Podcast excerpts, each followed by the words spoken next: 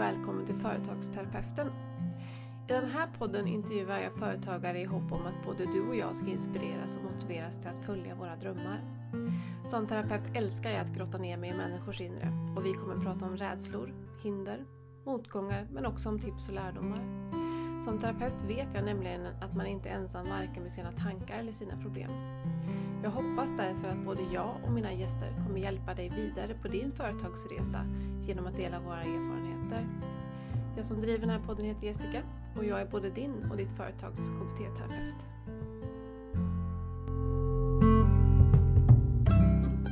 Hej Emma och välkommen till Företagsterapeuten! Hej, tack så hjärtligt!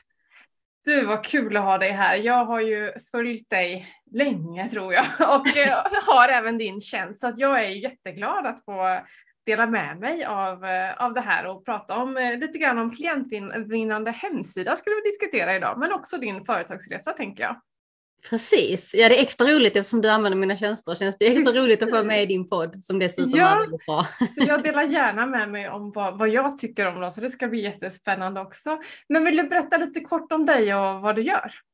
Ja, eh, så mitt namn är Emma, eh, fyller 30 eh, detta året. Har eh, frilansat i tio år innan jag startade eget. Nu 2021 ska vi säga, få rätt på året här. Mm. Och eh, det jag frilansade inom innan det var att jag mest gjorde hemsidor, alltså enkla hemsidor till företag eh, och mm. hade det mer som en hobby. Mm. Eh, sen när jag tog det mot heltid då så har jag haft det på heltid nu ett och ett halvt år då kände jag att jag behövde göra någonting mer så att jag gick över från de här enkla hemsidorna till att uh, utbilda mig som strategisk webbdesigner. Och det innebär liksom i stora hela att man har en strategi bakom och vi kommer komma in på det mer sen med klientvinnande hemsida. Uh, och jag tyckte det var jätteroligt uh, när jag kom in på det och verkligen satsa på att hemsidor ska sälja åt en istället för vara som ett visitkort och så. Så det är lite det jag har koncentrerat mig nu på det här ett och ett halvt året. Mm. och då har jag haft det under namnet Webba Studio.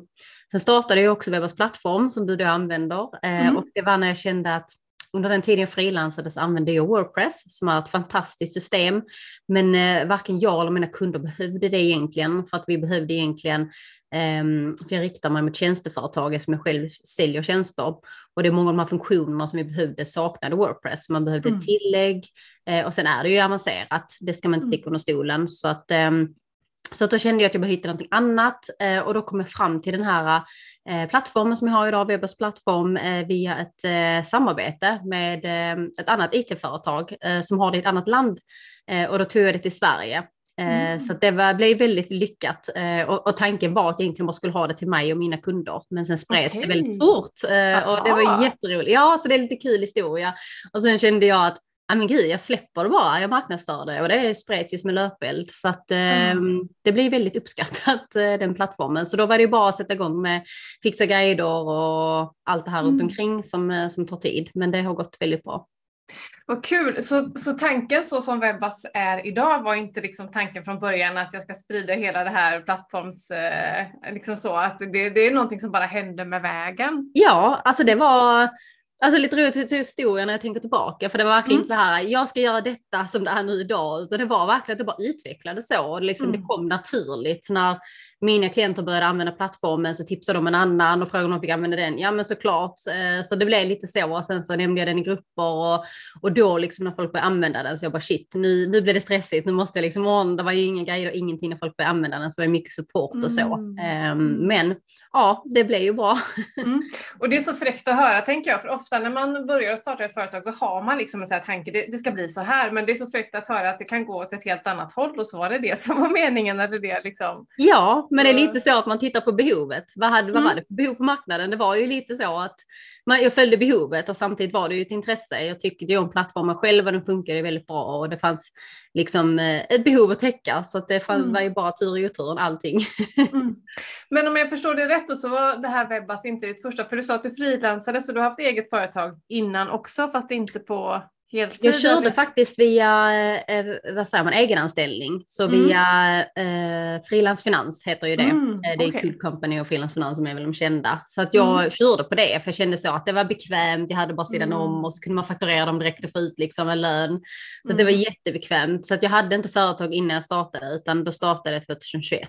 Eh, Startade Ja, min enskilda firma. Sen Mm. förra året 2022 då gick jag över till AB. När jag märkte att det liksom gick bra då kände jag att nej, då går jag över till AB. Precis. Och hur kom det sig första tanken där att du skulle göra något eget och sådär? Vad, har du alltid drömt om att vara egenföretagare eller hur kommer det sig? Alltså inte rent så här att jag tänkt att jag ska bli egenföretagare, men jag har alltid känt att anställd inte passar mig. Alltså jag har aldrig Mm. känt att jag har platsat någonstans och ändå har jag varit väldigt driven och gjort väldigt bra ifrån mig på jobb, men ändå har jag känt att dels har det inte varit tillräckligt. Jag har liksom känt att jag kan utvecklas. Jag har liksom känt att det har varit en spärr hela tiden vad jag liksom, hur jag kan, vad, vad jag kan göra och hur jag kan göra det. Så lite i bakhuvudet har det varit hela tiden, men jag hade faktiskt ett företag 2011 under väldigt kort period och det är bara för att eh, den jag var tillsammans med då, hans föräldrar hade företag och när jag inte visste riktigt vad jag skulle göra och inte hade ett jobb så gjorde jag det mer för skojs skull. Mm. Eh, men de skötte ju alltid, jag skulle aldrig säga att jag drev ett företag utan de skötte ju allt annat och jag bara liksom jobbade ungefär och drog in pengar. Mm. Eh, så tanken att man kan ha företag har ju funnits där ett tag. Eh, 2011 var när- direkt när jag tog studenten då så att, ehm, så att jag, jag kände någonstans att jag måste inte vara anställd men ändå kände jag att nej, jag kan inte driva ett företag själv liksom. Så att eh, Mm. när jag la ner det så fortsatte jag bara alltså frilansa inom det. Eh, Mm. Men mm, det är så det såg ut. Hur såg det här för många som jag pratar med? Jag pratar ju med väldigt många egenföretagare och det gör förmodligen du också. Men det största problemet är ju ofta så här, det här glappet från en anställning. Så här, ska jag våga hoppa? Och hur, liksom, hur såg det där ut för dig? Sa du bara upp det i platt fall eller hur liksom? Alltså när jag väl bestämde mig så var det så, det känns som att det är lite så för många att någonting ska hända för att man ska ta steget. Och för mig Mm. var det att jag vantrivdes min anställning. Ehm, för jag jobbade innan på, ehm, eh, innan den anställning jag hade innan jag startade företag, då jobbade jag på One.com eh, som är en av Nordens största webbhotell. Så jag pendlade till Danmark i fyra år och Oj. ett fantastiskt roligt jobb. Jag har lärt mig jättemycket där som jag kan idag. Allt med domäner och webbhotell, allt det är ju Mm. från där liksom. Och där trivdes jag jättebra. Men sen när jag blev gravid så kände jag att jag kan inte jobba i Danmark. Alltså jag pendlar i tre timmar per dag. och Då kände jag att det Nej. funkar inte när jag ska skapa familj. Så då, då eh, tog jag det här andra jobbet då som var i min stad som inte var alls mitt intresse. Men det var min stad och det var kundtjänst och kundtjänst var det jag kunde liksom. Mm. Men jag kände direkt att jag trivdes inte där. Och det var lite det att jag kände antingen så söker jag ett annat jobb inom det här med domäner och webbhotell. Men det är jättesvårt att få här i Sverige om man liksom inte har någon utbildning. Eh, Och jag kände att jag vill inte tillbaka till Danmark. Och då kände jag så, om jag ska jobba med det jag vill, då måste jag starta eget nu. Mm. Så att jag kom till den punkten att nej, nu kör jag. Och sen kom jag till den tanken att hur ska man göra? Ska jag ta tjänstledigt? För det kunde jag ju. Eller skulle jag gå ner i tid bara? Skulle jag ta 100%? Och det var ju mycket fram och tillbaka där med dels tankarna och sen diskuterade jag med min man också hur vi skulle göra. Men jag är mycket så här, om jag ska göra någonting så är det all in. Eh, Och det var där jag kom till den punkten att om jag ska liksom jobba på mitt jobb 50 ha detta 50 så känner jag att jag kan inte fokusera helt. Min energi kommer ligga någon annanstans. Mm. Så att vi räknar ihop det helt enkelt, hur mycket pengar behöver vi för att klara oss i början, för om jag inte liksom kan ta ut pengar, hur mycket behöver jag lägga undan så vi kan ta av dem. Eh, och alla de här praktiska grejerna. Jag tror, här, jag tror mycket på det här med att ha en plan för att slippa stressa och oroa sig. Så att då kommer jag till den punkten att nej men vi har en plan, vi har pengar sparade, jag säger upp mig och så kör jag. Och så ger jag det liksom ett år sa jag för att jag vet att det tar tid innan Mm. det kommer till rullning. Så jag tror det här tålamodet. Mm. Ehm, så mm, så ser det ut. Så du hoppade helt helt enkelt? Jag hoppade liksom- helt. Mm. Eh, och alla kan ju inte det av olika anledningar. Men jag är glad att jag kunde det. För jag kände Mm. att nu, jag behövde det. Alltså lägga fokus 100% på detta. Um, och jag tror att det, kom, att det funkar bäst för de flesta. Så kan det man tror jag göra det. Jag, ja men precis, jag har ju också erfarenheten av att jobba, liksom göra 50-50 och sådär. Och man, man får ju inte riktigt, det är svårt att levla upp när man hänger i en Mm. anställning. Liksom, för att man har inte all tid eller kraft i världen, så är det ju. Precis. Så, men hur, och jag vet ju nu, för du är ju väldigt eh, givmild och delar med dig av siffror på dina brev och Instagram och sådär. Men hur lång tid tog det för dig innan få företaget eh, att gå runt? Då? Gjorde det det liksom rätt fort? Eller vad, vad Alltså hände? gjorde det jättefort. Vi la ju som sagt undan sparpengar men jag behövde inte alls ta av dem, inte en krona. Utan, alltså från första månaden, och det var ju för att jag hade lite redan en kundkrets. Så jag, jag Mm. fortsatte göra väldigt mycket hemsidor och så. Eh, och annonsera som jag gjort innan. Jag visste ju att det funkade. Så att jag hade ju ett försprång där att jag redan hade haft det sidan om och visste att idén funkade så att Mm. säga. Eh, men ehm, Eh, nu tappar jag bort mig, vad, vad sa du frågan var? Eh, men det här att, att tjäna pengar direkt om du lyckades Ja. med det. Liksom, att kunna, ja. Precis. Mm. Eh, så det var efter ett halvår, tror jag det var, om jag minns det rätt, så var att jag redan då tjänade mer eh, än som anställd. Eh, så att det var väldigt fort. Eh, och då hade jag, jag satte höga mål ganska fort. Ehm, och jag vet att det är en siffra som många sätter där, 100 000 i månaden, Mm. det är liksom så klassisk siffra. Mm. Eh, och då kommer jag ihåg att jag gjorde den i maj förra året och då tänkte jag att det skulle vara så himla långt fram de här siffrorna liksom. Men det var ju inte alls långt fram utan det dröjde Mm. bara några månader till och sen var jag ju där. Så att, Mm. alltså, det har ju gått väldigt, väldigt bra eh, och jag vet att det inte gör det för alla men det gjorde det eh, och jag gillar att dela med mig av det för att visa att det finns en annan sida, att det behöver inte vara kämpigt, det behöver liksom inte ta fem år innan man får rullning och det kan gå. Så kanske man ger Mm. hopp till mer att faktiskt prova. Precis.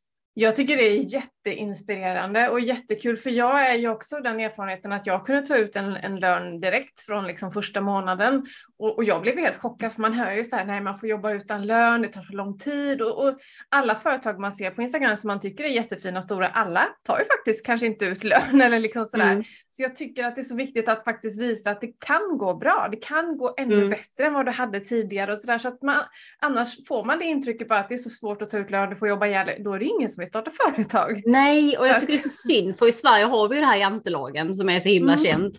Och jag tror Mm. det är därför. För att Mm. de vi hör mest, är ju de det inte går bra för, de som kämpar och så går ut och går upp, ah, hur ska jag göra? Och så står liksom i vägval och så. Det är ju sällan någon lägger ut det bara för att det går bra. Och det är det, därför jag kör de här, som du vet, månadsrapporterna, Mm. för vissa har det gått. Mm. Eh, också för att visa baksidan av allting med utgifter, så också Mm. tycker jag är viktigt. Liksom. Men också för att visa att det kan gå bra. Eh, och jag tycker att fler ska lyfta det, så att fler vågar. För att det kan gå bättre än vad man tror, som, Ja, som för dig och mig. Liksom. Ja, och jag tycker det är jätteinspirerande. Jag, jag gissar att du bara fått positiv feedback när du lägger ut det. Men jag kan nu när jag tänker efter så blir jag så här, för att jag har ju, jag har ju sagt hela tiden att jag, jag tjänar pengar, men jag har aldrig gått ut med, med siffror. Men det är nog en rädsla, du vet, för att man tänker att vem tror du att det är? Och tänk om det går dåligt sen, eller du vet, det finns ju massor med Mm. saker man är rädd för liksom också. Precis. Ja. Jo. Nej, jag har faktiskt fått jättebra feedback. Och Mm. även nu som i december delade jag ju en spännande rapport där jag hade lika mycket utgifter som in, intäkter. Jag hade ju 100 000 utgifter medvetet Mm. val då såklart. Mm. Men att man vågar visa det också. Bara, inte bara att, Precis. för att nu har gått jättebra flera månader. Och Mm. som jag skrev också i mitt inlägg, det gick ju väldigt bra i december också. Men jag valde att ha de här utgifterna som jag vågar dela också. Så man känner så nej, nu har jag delat, att det har gått jättebra, så vad är detta liksom förvånad? Men man, alltså det, så, Så är det. ju och vi måste ju chansa. Jag har liksom också, när man lägger ut massor med pengar på marknadsföring och kanske inte får tillbaka, så är det kanske ibland. Eller man Mm. har stora utgifter så köper en coach eller utbildning och sådär. Och vi måste ju lägga pengar i företaget eller utveckla oss, så det är ju så liksom. Ja, och man får se det som läropengar. Jag la så Mm. sjukt mycket pengar på annonsering förra året där jag tog hjälp av en eh, som Mm. inte alls liksom, det gick inte i linje alls med hur jag representerade Nej. företag och det blev inte bra. Alltså jag la många, många tusenlappar på Mm. ingenting, men Mm. ingenting ska man inte säga utan läropengar. Nej. Sen jag skulle börja annonsera nu igen så bara okej, nu vet jag vad jag inte ska göra och sen gick det vägen så att man får se det lite så också. Ja, precis. Det är nog jätteviktigt. Men om, för jag tänker, vad, vad är Webbas då för de som inte vet? Vad är det för speciellt med din plattform liksom? Vad är det du gör? Ja, så att nu har jag ju ett gemensamt namn, så Webbas är Mm. liksom Webba Studio, där är min webbdesignverksamhet och där kör jag ju Mm. mer på webbyrå nu eftersom jag inte Mm. har lika mycket tid att ta eh, projekt så har jag även andra som hjälper mig att, att ta projekt. Så där är Webba Studio. Sen har vi Webbas plattform Mm. eh, som är plattformen och det som är unikt det är ju dels att det är på svenska. För många av de som har många bra funktioner idag är amerikanska eh, och många tycker det är jobbigt med engelskan. Ehm, och sen är det ju väldigt, är det ju GDPR-vänligt eftersom det är eh, Eh, i Sverige och sen så har vi servrar. Eh, vi använder Amazon-servrar också, men där finns avtal säkrande som gör det GDPR-vänligt och det tycker jag är viktigt att lyfta fram. Eh, och sen är det alla de här funktionerna eh, som finns som är fantastiska och det är därför jag just riktar den mycket mot tjänsteföretag. Även om många som bara har renodlade eller webbshop använder den går också. Men just det här att den har väldigt enkel hemsidebyggare. Det är bra mallar. Eh, där finns ett CRM-system där man kan spara liksom alla kunder som kommer via formulären och som man kan följa upp, lägga anteckningar.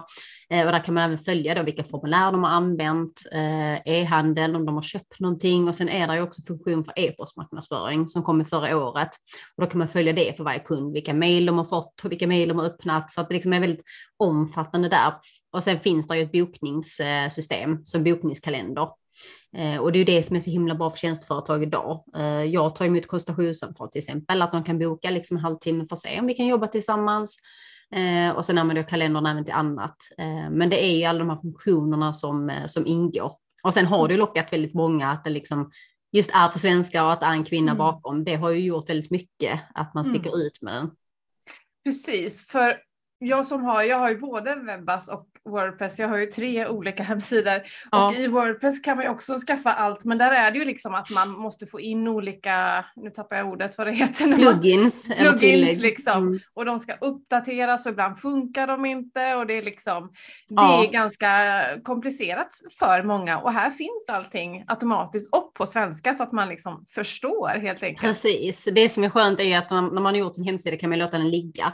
Riktigt mm. så funkar det inte i Wordpress utan där som sagt måste man underhålla den. Så man måste uppdatera Wordpress, uppdatera teman, uppdatera plugins och ibland är det så att utvecklarna, det finns ju olika utvecklare på varje teman och plugins, kanske de slutar uppdatera sin och då mm. funkar inte det i linje med Wordpress man använder och slutar hemsidan fungera. Och det var ju mm. det som mycket hände ju detta i, i ehm, i förra året, när var det i oktober eller någonting, så mm. var det ju PHP-versionen som ändrades och Wordpress är ju öppen källkod, det är PHP mm. och när den versionen ändrades så var det jättemånga hemsidor som inte fungera. Mm. Um, och då var det inte alltid man kunde lösa det för att just temanutvecklaren hade slutat uppdatera eller plugin mm. och så. Så det är synd. Ja, precis. Att, och det där vet man aldrig när man har Wordpress-sida. Den kan ju funka en dag och sen nästa dag bara oj vad fasen har hänt? Ja, liksom. ja precis. Alltså ja, senast förra veckan har jag en kund där också hemsidan slutar fungera. Och liksom så ska man inte prata ner om Wordpress för mycket för det är för ett system och ska man ha liksom mm. komplexa hemsidor med mycket integrationer och funktioner så är det ju superbra. Men det gäller att man är medveten om det, att det kan kosta en del tid och pengar att liksom hålla det liksom uppdaterat och hitta mm. rätt eh, tekniska lösningar och så. Mm. Så att det, det, är ju liksom för och nackdelar såklart. Mm, precis. Något som jag föredrar otroligt mycket med din eh, med Webbas kan jag säga, det är det här med e, e-brev. Ja, jag precis, e-postmarknadsföring. Ja, precis. Jag hade ju Mailchimp tidigare och lyckades liksom, jag vet inte vad, men jag tror att den var på engelska, jag tycker den var skitrörig, jag liksom kunde inte, så det blev aldrig att man skickade några mail mm. bara för att jag tyckte att det var så jäkla rörigt. Eh, och det var nog därför jag skaffade faktiskt Webbas från början. Jag hade nog inte tänkt att allt som jag har nu med bokningsfunktioner och allting. För att jag känner att nu, nu lyckas jag verkligen skicka ut mail. Liksom, nu är det så himla enkelt. Liksom. Ja, ja, men ja. Det, är, det är enkelt och jag använder ju som sagt själv den och det är så himla enkelt att liksom skicka ut enstaka brev eller om man vill ha en automatisering och ett mm. flöde. Liksom. Det är superenkelt att sätta upp. Så att, ehm, och det är skönt att slippa koppla det till en annan utan man har allting där. Mm. Ehm, och det är också en fördel att man har alltså, en support till allt. För annars är det ju lätt så att om man använder till exempel Canon som bokningssystem, en problem där ska man kontakta dem och använder man som sagt Mailchimp eller Maillight ska man kontakta dem. Om något, ibland vet man inte var problemet ligger. Ibland här är det ju så, här har man ju allt så man vet ju, är det något mm. problem så är det ju Webber support man kontaktar. Mm. Så det kan ju kännas tryggt och skönt. Mm. Ja, verkligen uppskattat och eh, jag gillar ju att det är svenska och det gissar jag att de flesta uppskattar. Liksom, ja, det är väl det jag får mest kommentarer om att det är på svenska för ja. att många tycker det är bekvämt. Ja, skönt. Men det här med klientvinnande hemsida då? Du har ju en kurs vet jag som, som går i det här där du, och då bygger de hemsidorna själva eller liksom? Ja, mm. precis. Eh, och den, den kom jag att tänka på ganska snabbt när jag startade mitt företag. Att jag, jag var ganska bestämd att jag ville ha kurser eh, eftersom man, det var, ja 2021, 2022 var ju väldigt mycket om kurser. Eh, mm. Att kunna mm. hjälpa fler samtidigt helt enkelt. Och det var lite mm. det jag kände att jag vill göra. Att jag inte ville bara jobba one-on-one utan hjälpa fler. Och sen när jag startade Webbers plattform så insåg jag att man är ju så sjukt många, det insåg jag redan från momkom-tiden, att många vill ju skapa sin hemsida själv. Mm. Men det blir inte alltid helt bra för att man vet inte hur man ska göra. Um, och um, jag spelade faktiskt in Real häromdagen som ska lägga upp snart och det här med att man har en, att man inte har ett recept att följa. Mm. För jag menar när man som sagt bakar en kaka som jag gav som exempel så följer man ett recept, man vet exakt vad den ska innehålla och man följer steg för steg. Man har ingen aning om hur man ska baka den här kakan när man aldrig gjort det innan eller vet vad den ska innehålla och det är lite som att skapa hemsida själv för att mm. även om man, det finns verktyg att skapa hemsidan själv så ska man inte ta för givet att man kan göra det. Mm. Eh, och det kan ta väldigt lång tid och man får prova sig fram innan det blir bra. Och därför skapade jag kursen och jag döpte den till klientvinnande hemsida just för att jag riktar mig mot tjänsteföretag. Eh, och där brukar man kalla det klienter, man kallar det också mm. kunder såklart. Men eh, mm. det var där namnet kom ifrån. Och hela poängen med den här kursen är ju att det ska vara steg för steg guider man kan följa. Eh, och sen att det finns mallar eh, man kan utgå från och sen att det finns support såklart hela vägen. Eh, inte bara support för för plattformen till exempel, utan att man kan få support när man ska ta fram sin strategi och skapa varumärke och alla de bitarna som ska falla på plats. Mm.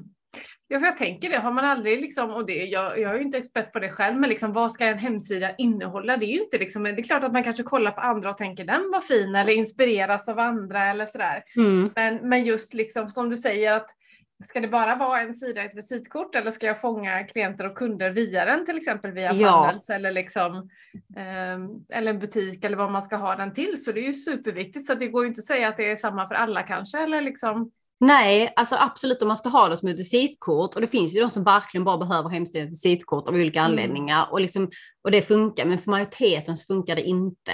Eh, utan man måste som sagt ha den här strategin, man måste ta fram ett varumärke och man måste ha den här tydliga kundresan på hemsidan, veta vilka sidor man behöver och varför man behöver dem, så man inte skapar de här standardsidorna som alla andra har, utan man får, måste ju själv veta vilka sidor man behöver. Och mm. sedan just det här att uppmana besökaren till handling, många sådana saker man inte tänker på när man själv bygger hemsidan. För man, mm dyker oftast bara in i hemsidprogrammet och det är inte konstigt, utan man, man dyker in där och sen börjar man redigera och så har man liksom inte förberett någonting. Man har inte kanske tagit fram sin idealkund, man har kanske inte tänkt riktigt på problemet man löser och det pratar jag mycket om. Eh, så att man inte bara drar upp så här, det här är min tjänst eller det här är min produkt, utan varför ska de betala för den? Varför ska de gå vidare? Det här är superviktigt. Mm. Eh, så att det är ju, jag kan prata en evighet om det liksom, men det är verkligen, alltså det är många bitar som ska falla på plats eh, och mm. inte bara att man dyker in i hemsidprogrammet utan förbereder innehållet och um, ja, men att det ska vara säljande texter, att det ska liksom mm. vara bra bilder uh, och det är också mm. många frågor jag får, eller jag får inte det nu när jag har kursen för det är liksom en bildguide, vilka storlekar ska det vara, vilken filtyp och allt det här som också är frågor som dyker upp. Mm. Den första frågan tänker jag, för jag hade en, en ny eh, medlem i mina solosystrar idag som inte hade en hemsida och då var det här, då frågade hon lite vad har ni för hemsidor och sådär. Och då tänker jag, när du tänker på din egen plattform, vilka ska bygga en hemsida och vilka ska anlita någon? Vad, vilka slags personer tror du Ser du något liksom sådär? Hur ska man tänka om man inte har en hemsida? Ska jag göra den själv eller ska jag anlita någon? Jag skulle säga kortfattat att det står tid mot pengar. Jag skulle mm. säga, alltså om man har tid men inte pengar, skapa mm. hemsidan själv. För att då kan du skapa den, typ om du följer kursen, ta steg för steg lugn och ro, skapa hemsidan, du kommer billigare mm. undan. Eh, mm. Så jag är mycket så, för nystartade företag, anlita inte någon. Och det är inte bara tid mot pengar, utan det är också, eh, om man är nystartad, kanske man inte är helt, man kanske inte känner sin idealkund tillräckligt väl. Man mm. kanske inte riktigt har eh, alltså sett lite vad det största problemet kunden har. Till exempel kanske man märker efterhand att det ändras. Mm. Och då är det lite så, lägger man massa pengar på en webbdesigner då som nystart så kan det vara onödiga pengar för man måste ändå göra om mm. den. Jag har till exempel gjort om min hemsida jättemycket nu efter ett år efter man liksom mm. har kommit på lite vad som funkar och inte funkar. Mm. Så att dels tid med pengar men också att man liksom, eh, man har inte varit igång tillräckligt för att veta vad man behöver på hemsidan helt enkelt. Smart där. Att det är liksom, men är det också, för jag tänker, jag själv tycker att det är roligt. Jag älskar ju att sitta och bygga sidor eller liksom sådär. Men om man, ja, kan man lyckas med det här ändå, även om man tycker att teknik är jobbigt och sådär. Liksom. Jag tycker att din plattform är så pass enkel, men du ja. vet säkert bättre. Precis. Alltså det är också det här, det är också en faktor som du nämnde, att det ska vara mm. roligt. Känner mm. man så här, det här är ångest, det här är frustration, då Precis. kanske inte det är liksom ens Nej. grej, utan då kanske man vill lägga den energi på annat som faktiskt mm. bringar in pengar. Men tycker mm. man det är roligt, det är ju absolut en fördel, en faktor till att skapa sin hemsida själv, för då går det också framåt. Eh, mm. Och det här med att man tycker tekniken är jobbig, eh, väljer man liksom att bara använda webbens plattform så är det väldigt enkelt att sätta ihop allting. Eh, och går man kursen så finns det verkligen ännu mer liksom guider för det tekniska och att man har den här eh, nära supporten till mig. Mm. Så den tekniska biten är ju den som många tycker är jobbigast såklart. Mm. Det, det, är ju mm. den biten jag får mest frågor om hela tiden. Mm. Så någorlunda tid helt enkelt och, och rätt liksom tycka att det inte är ett hel, helskott att sitta ja. med. Liksom, det är det viktigaste om man vill bygga själv i alla fall. Precis. Mm. mm. Vad skulle du ge för tips då liksom, när det kommer till hur bygger man en liksom, klientvinnande hemsida utan att dela med dig av hela din kurs här nu då såklart. Men liksom. Precis, jag kan dela med mig av liksom modulerna jag har, för jag menar, det, är Mm. liksom, det är ju mitt ramverk som jag brukar Mm. kalla det, alltså som jag själv, om någon anlitar mig, gör jag precis samma sätt med mina kunder och det handlar Mm. mycket om det här med att börja med strategin. Att just ta fram sin idealkund, man kanske behöver intervjua folk när man nystartar och inte hunnit jobba med några, men sen i början är det mycket gissa sig fram innan man har jobbat med några kunder och vet mer. Mm. Eh, och sen det här med att man verkligen funderar på det här problemet man löser och hur, alltså vart man kan ta kunden, vart de är ny till vart de vill vara, för det är som sagt det de betalar för. Eh, och många som skapar sin hemsida själv är ju mycket så att de, eh, att de bara radar upp så här, det här ingår liksom i tjänsten eller produkten och så glömmer man bort allt annat, den här transformeringen som är så viktig. Ehm, och så att strategin kommer först och att man vet vad man har för mål med hemsidan. Varför ska man ens ha en hemsida? Eh, och målet för alla olika sidor som sagt. Och sen är det ju varumärket som man inte får glömma bort. Och det är ju inte bara på hemsidan utan den har man ju också nytta av i alltså marknadsföringens helhet. När man ska liksom posta på sociala medier och så.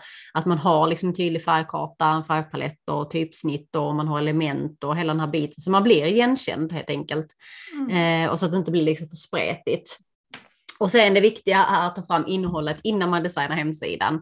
Och det är ju det Mm. misstaget jag ser många gör som gör hemsidan själv, annars som inte går min kurs, det är att de dyker in i hemsideprogrammet, sen har man inte förberett med någonting.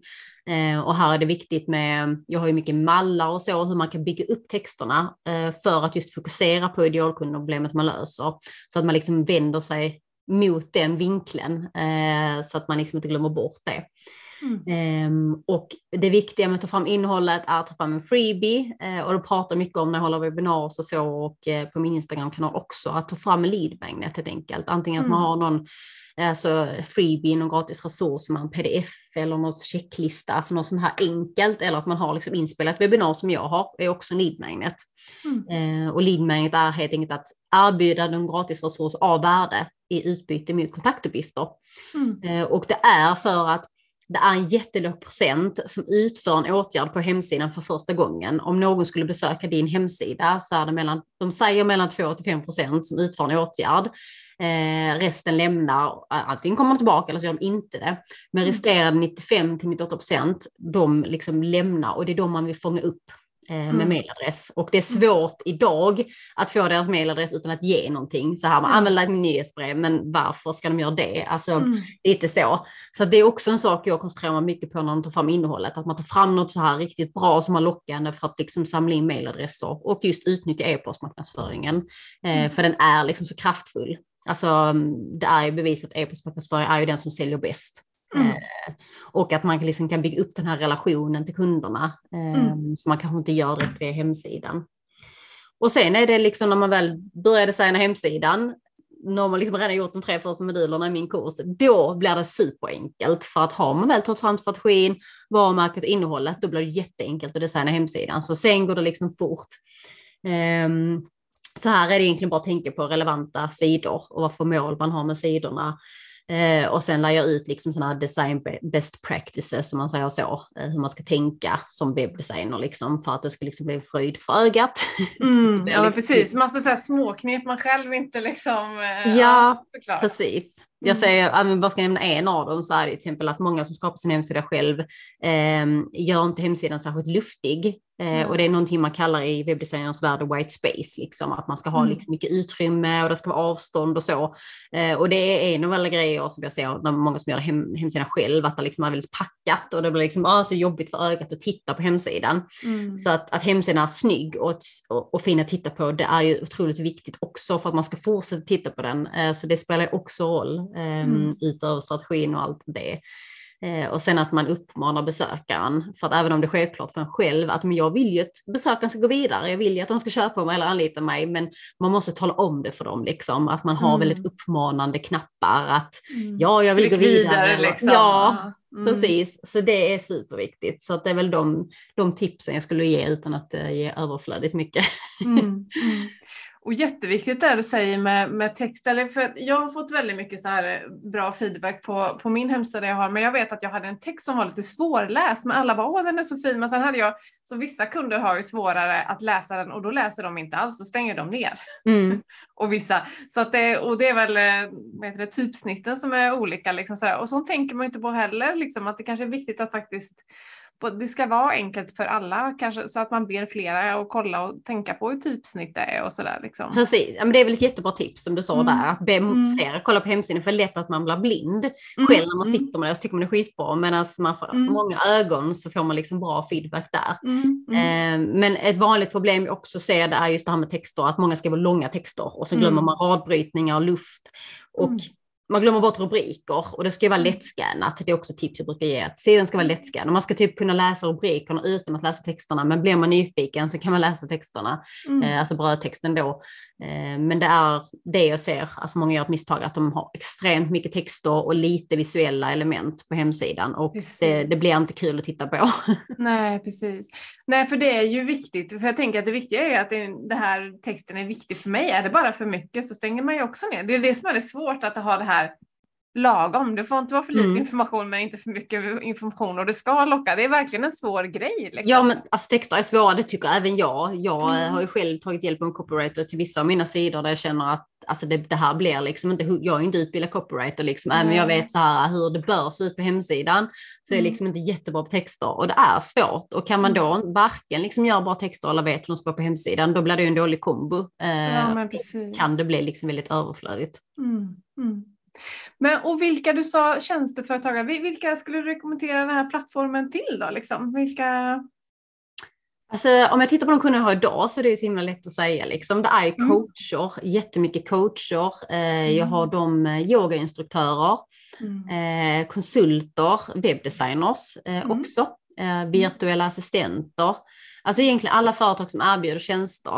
Eh, mm. Men sen finns det ju en e-handel. Jag menar där, I e-handeln kan man sälja fysiska digitala produkter, eh, medlemskap eh, och mm. tjänster då. Så mm. den är ju liksom, den är ju även för de som har webbshop. Men anledningen jag inte brukar rekommendera eller rikta mig till de som säljer webbshop, det är just för att integrationerna är begränsade just nu. Mm. Till exempel om man vill koppla till fraktbolag och sådana grejer. Då mm. finns det inte så mycket att välja mellan just nu. Så det är just mm. därför för tjänsteföretag finns det väldigt mycket bra grejer, så det är därför, det, är därför jag riktar mig mot dem. Mm. Men du håller på att liksom göra om och bygger ut och förbättrar plattformen hela tiden gissar jag? Liksom. Hela tiden eh, och vi förbättrar guiderna också. Så nu, jag har ju en virtuell assistent eftersom jag inte hinner med riktigt eh, och hon mm. nu under januari och februari ska hon jobba på guiderna så att de också blir bättre. Mm. Sen håller vi på att utveckla en kursplattform eller kursfunktion ska man säga. Man kan ju sälja medlemskap och kurser nu och jag har ju min egen kursplattformen. Men där liksom, den är inte så utvecklad när det kommer till kurserna. Mm. Så där finns ju till exempel inte att man kan eh, släppa innehåll efter en viss tid som vissa vill. Ja, eh, eller att mm. kursmedlemmarna kan se hur långt de har kommit utan innehållet mm. finns där men de kan liksom inte så här, eh, markera slut för det och sånt. Så det är lite sådana grejer som utvecklarna håller på att jobba nu som kommer mm. någon gång detta året. Jag vågar inte säga när men eh, någon gång under detta året kommer det att släppas och det ser jag också fram emot. Eftersom jag själv säljer kurser så ska det bli riktigt kul när det släpps. Precis, vad spännande. Men mm. och hur har ditt, liksom, för nu är det snart ett och ett halvt år, har du gått, har du liksom fastnat i olika saker eller har du utvecklats och det här är tråkigt, det här är jobbigt, det här vill jag göra mer. Hur har det ja. ändrat sig på resan skulle du säga? Alltså jag har ju alldeles för mycket i mitt huvud hela tiden. Det är någonting jag måste jobba på hela tiden. Jag har ju alldeles för många intressen. Jag vet mm att de mhm. flesta brukar prata om multipassionerad. ja, ehm, precis. Ja, jag är där eh, och ja. jag är så att jag, jag tycker mycket är kul och jag kan väldigt mycket. Jag lär mig väldigt fort och det kan vara lite farligt. Ja. Eh, som nu till exempel lärde jag mig att annonsera själv för att jag mm efter den eh, dåliga erfarenheten jag hade förra året så vågade jag inte få hjälp. Jag bara, nej, jag gör det bäst själv. Eh, mm. Så jag gick en kurs för det, lärde mig annonsera och det blev jättebra resultat och det är fortfarande väldigt bra resultat när jag annonserar. Och då var det en sån grej, åh det här är svinkul, jag kanske ska erbjuda annonsering till andra liksom annonseringstjänster. Ja, men det var en sån grej jag fick backa äh, ett steg och bara mm. tänka, nej men vad har jag nu liksom för ben i företaget och då hade jag fått mm. ändra om hel, alltså ganska mycket liksom. Mm. Så jag kände bara, nej, jag kan tycka det är roligt till mig själv men jag behöver inte erbjuda det till andra. Så, att, så att det kan vara en utmaning ibland när jag, när, när jag tycker väldigt mycket är kul. Jag tycker det är kul att skapa innehåll. Jag tycker det mesta är roligt, liksom, mm. eh, vilket är en fördel för att jag mm. behöver inte lämna iväg så mycket, utan det är mest det som jag känner jag inte hinner med ungefär. Så att bromsa sig själv när man liksom, åh, Ja, det, precis. Ja. Att man ser det mm. lite utifrån och ger det lite tid. Att man liksom, mm. för det här tänkte jag i några månader innan jag liksom så till slut bara nej, nu, nu backar liksom. Att man får ge det lite tid. Att vill jag verkligen det här och vad, eh, hur behöver jag ändra om för detta liksom? Vad kräver det av mm. mig? Eh, att man inte bara gör, utan man faktiskt mm. funderar ett, en, en gång extra liksom. Mm.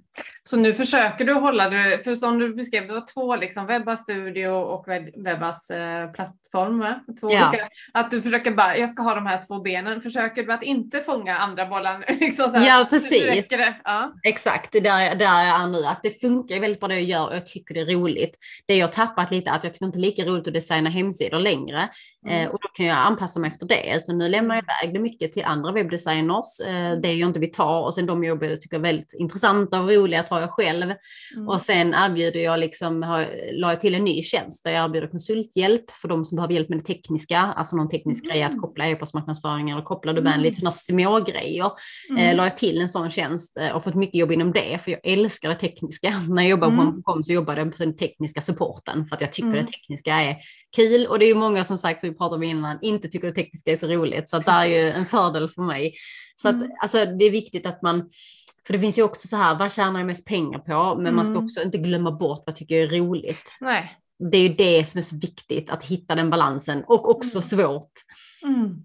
Ja. Jag, jag kan själv tycka att det är lätt att tappa bort sig och bara jobba. Jag vet inte hur det har gått för dig, men ibland så tappar man bort det roliga att man bara gör jobbet och sen bara shit, var, vart är jag nu? Var det här, var det här jag ville liksom? Ja. är, det här, är det här kul? Precis, jag, jag gjorde faktiskt ett inlägg om det på Instagram precis. Eh, Mm. För jag läste en bok eh, och då pratade han om någonting som hette liksom, det fanns the doer, the dreamer the dream doer liksom. Mm. Och, och the dream doer är en, liksom, när man har både drömmarna liksom, och målen i åtanke och att man gör. Men jag kom in i en sån fas där jag bara var the doer. Alltså jag bara jobba, Mm. jobba, jobba. Jag har typ glömt Mm. bort typ varför jag gjorde det ens. Det blev Mm. inte roligt längre. Och det är lite farligt när man hamnar där, när man till slut, när företag bara rullar på, att man bara jobbar, jobbar, jobbar och bara liksom Mm. lite sliter. Och man bara, Va, varför gör jag detta? Då, då fick jag så backa ett steg och bara, nej nu behöver jag liksom en paus och bara, varför gör jag detta? Varför, varför startar jag företag? Att man tänker tillbaka liksom och då bara Mm. det mycket bättre igen. Så att, ehm, Skönt. Jag, Ja. jag känner nog igen mig i det att jag själv är i det här doer, att jag har fastnat i den lite grann och börjat så här stopp, backa lite. Och hitta, hur hittar du tillbaka till, till dreamdoern då? Liksom? Hur kunde du gå tillbaka till drömmarna? Jag, eh, jag hade, det var i oktober, jag hade egentligen ett jättestort projekt och det var då jag hamnade i det här. Jag bara kände att jag bara Mm. jobba, jobba, jobba och jag, jag tjänar jättebra de månaderna, men vad var det värt om inte jag var Nej. roligt längre? Och då kom jag till en punkt där jag bara, nej, jag lämnar iväg det här jobbet till en annan webbdesigner, eh, vilket gick jättebra, liksom det överflödet och bara fick en paus. Och det här med, alltså jag bara tog mindre jobb. Jag liksom dolde min bokningskalender från hemsidan, alltså Mm. liksom den var väldigt gömd, den fanns där, men den var liksom så, ah, boka möte med mig. Och bara Mm. tog in väldigt lite möten och jobb och bara fick andas. Och det var det som hjälpte mig, att jag bara tog steg tillbaka. Sen tjänade jag mindre den månaden, men det gjorde ingenting för att det gör att jag tjänar mer Nej. sen när jag väl Mm. hittar tillbaka. För att det blev ju inte bra alls. Nej. Eh, Så jag tror på det här att bara, bara ta en paus, bara inte för att man tar värsta semestern, men bara backar lite och tar det lite lugnt så att huvudet hinner Mm. med. Precis, det kan vara svårt med den balansen. Vad, vad skulle du säga är det svåraste med att driva eget? Tycker du?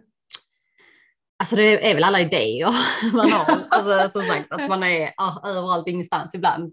Och sortera dem, att själv sitta så här, nej men vad, vad ska jag ta vidare liksom. Ja. Men eh, alltså, så länge man skriver upp allting tror jag att man inte behåller det i huvudet utan om man har en idé, skriv upp den, lämna, lägg ifrån den och när man kanske har tid någon gång, ta tillbaka den, liksom, titta Mm. på den. Eh, men jag skulle väl säga idéerna och eh, alltså jag tycker inte mycket, jag gjorde ett inlägg om det också, jag tycker inte mycket är svårt med företagande. Jag Mm. tycker det, att det har varit väldigt enkelt egentligen så att jag har Mm. nu inga så här jättebra grejer att säga där. Nej, men det, det är ju jättebra. Vad, och vad är det som är det bästa då? Vad är det som gör att du trivs och njuter mest av det? Ah, friheten. Mm. alltså det, är- det, är liksom, det ordet består ju så många grejer. Och det är Mm. liksom att få själv välja vad jag tycker är roligt. Eh, Mm. Det är ingen annan som bestämmer det och jag kan bestämma liksom när jag vill vara ledig. Jag kan Mm. bestämma vem jag vill jobba med och när jag vill göra det. Um, alltså just det här med att bestämma själv, att slippa vara beroende av någon annan och liksom vara på fasta tider och på en fast plats. Eh, jag stimulerades inte av det alls. Nej. Så att eh, alltså jag älskar ju nu att jag, har ju ändå hyfsat fasta tider för mig själv. Men Mm. att jag ändå kan känna efter, nej men idag är inte en bra dag, jag jobbar lite mindre idag eller jag jobbar lite mer imorgon. Att man kan välja själv och det är så Mm. otroligt skönt. Och är du duktig på att använda den friheten då? För det är ju det som är det viktigaste också, att man, för man har friheten men man ska också använda den. Ja, jag var som sagt, jag kom in i den här perioden där jag blev väldigt dålig på att göra det. Jag bara jobba, jobba, jobba. Jag bara, men mm. tusan, friheten, jag måste komma ihåg den här, ja, att man går tillbaka. Vet. Och när jag gick tillbaka, jag bara, vänta, varför startade jag eget? Jo, för friheten. Och då ja. gick jag tillbaka till den igen.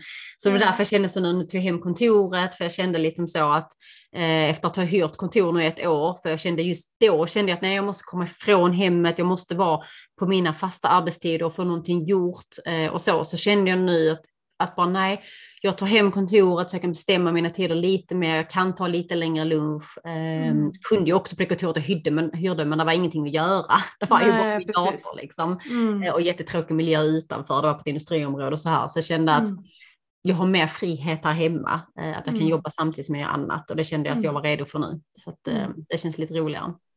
Mm. Och jag tycker också, för jag gissar att det är så här för alla, att man liksom fastnar i, i ett jobbmode, att man måste hitta tillbaka ett balans och liksom att, att det är så det går. Liksom att, ja, Ja. ja men det är så, den boken jag nämnde, det var Framgångsboken heter den, mm. eh, av Alexander. Han driver en podd som heter Framgångspodden och den podden lyssnar jag på varje dag ett år, alltså fram, ett år innan fram till jag startade eget lyssnar jag på den podden. Mm. Extremt många mm. avsnitt finns där. Eh, och han intervjuar många som har upplevt framgång och det var den jag blev så himla inspirerad av. Men det var den boken i alla fall jag läste när han förklarade det här med dream mm. doer, mm. doer och sånt, att man kommer hamna upp och ner. Men ja. det gäller det här att backa, titta tillbaka för att komma Precis. tillbaka till den här dream doer, att man inte glömmer bort sitt varför och de drömmarna man har och allt mm. det här att man inte bara gör liksom. Så att, mm. eh, så att det är superviktigt. Man, det kommer gå upp och ner, jag kommer komma till den punkten igen där jag bara är en Så är det ju, men det viktiga är ju att liksom hitta som du säger, backa tillbaka och hitta tillbaka. Så är det ju. Ja. Vad är din nästa stora dröm för eh, Webbas då, eller för ditt företag liksom? Vad jag vill skapa fler kurser och det är ju för att jag älskar att ge support och det är därför, mm. alltså, när jag jobbade på en på kom innan det var ju support jag gav. Jag tycker det är jätteroligt att hjälpa andra. Mm. Eh, även om jag tycker det är roligt att ta projekt så stimuleras jag inte på samma sätt som att faktiskt hjälpa någon annan att lösa problem och när de blir glada för hjälp och så. Så att jag vill ju satsa mycket på kurserna och sen mm. såklart Webbas plattform eftersom det är det mesta jag lägger till på det är ju support eh, och det mm. tycker jag är roligt. Så att egentligen att ge fokus till att skapa mer kurser eh, och de jag har ju tänkt på är ju en marknadsföringskurs som kommer vara en liten uppföljning till den eh, klientvinnande hemsida. För när man mm. väl har gjort hemsidan ska man ju börja marknadsföra eh, och det mm. är ju lite tips i den men långt ifrån tillräckligt än vad som behövs. Eh, och sen får jag extremt mycket frågor av andra webbdesigners. Hur har jag gjort liksom? Vad har du gjort för att mm. lyckas? Och så. så jag vill ju också göra en kurs till webbdesigners. Mm. Eh, så det är de kurserna jag har i åtanke som jag kommer eh, påbörja lite detta året. Får vi se hur långt jag kommer. Men annars försöker jag verkligen fokusera på det jag har. Förbättra liksom plattformen och guiderna och hjälpen där. Mm. Och liksom vara tillgänglig i kursen jag har nu. Mm. Spännande. Ja. Du, nu har vi pratat en stund här och jag tänker att vi behöver runda av lite grann. Har du någonting som vi har glömt att fråga dig om eller något viktigt som du känner att du vill skicka med lyssnarna? Nej, men det var väl det vi sa lite i början att man ska våga. Att det liksom, mm. det behöver inte vara alltså, så katastrofalt och att man behöver kämpa i början och så, utan Alltså det jag vill liksom skicka med är liksom ha en plan, alltså dels eh, att göra plan men också en pengaplan. Eh, mm. Så att man liksom, det kan gå månader kanske utan ta ut en lön, att man hellre investerar pengarna. Eh, och då så som grej att man vågar investera så att man sitter så och håller i varje pengar och så jobbar Precis. man på och sen tar man ut lite pengar och så jobbar man på. Att man liksom inte kommer fram på något sätt. Eh, och det är också mm. därför jag tror många kämpar. Men att våga investera pengarna man faktiskt tjänar till en början eh, och våga växa och våga ta hjälp om man inte kan det mm. själv. Eh, det är väl det jag vill eh, skicka med som lärdom. Bra tips. Men du, om man vill veta mer om dig, var hittar man dig då? Alltså Instagram är min kanal, älskar Instagram. Eh, så att jag skulle väl säga webbas understreck studio och då är det webbas med W och 2B. Så webbas understreck studio. Det är där man kan följa mig som är mest aktiv. Och sen finns det ett eh, länkträd om man kan följa. Jag har ju dels webbinars eh, man kan ta del av, dela ut mer hur man kan skapa en säljande hemsida. Ehm, och sen så länkar jag till plattformen och så också. Men man får gärna följa mig på Instagram och säga hej där så blir jag jätteglad. Bra, då länkar jag vidare till den. Men då vill jag mm. tacka mm. dig jättemycket för att du varit här idag. Ja, tack själv. Det var jättekul att prata med dig med.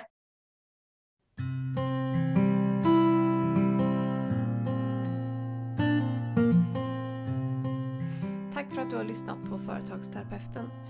Behöver du coaching och vägledning? Tveka inte att kontakta mig på kontakt jessicahjert.se. Ha det gott! Hej!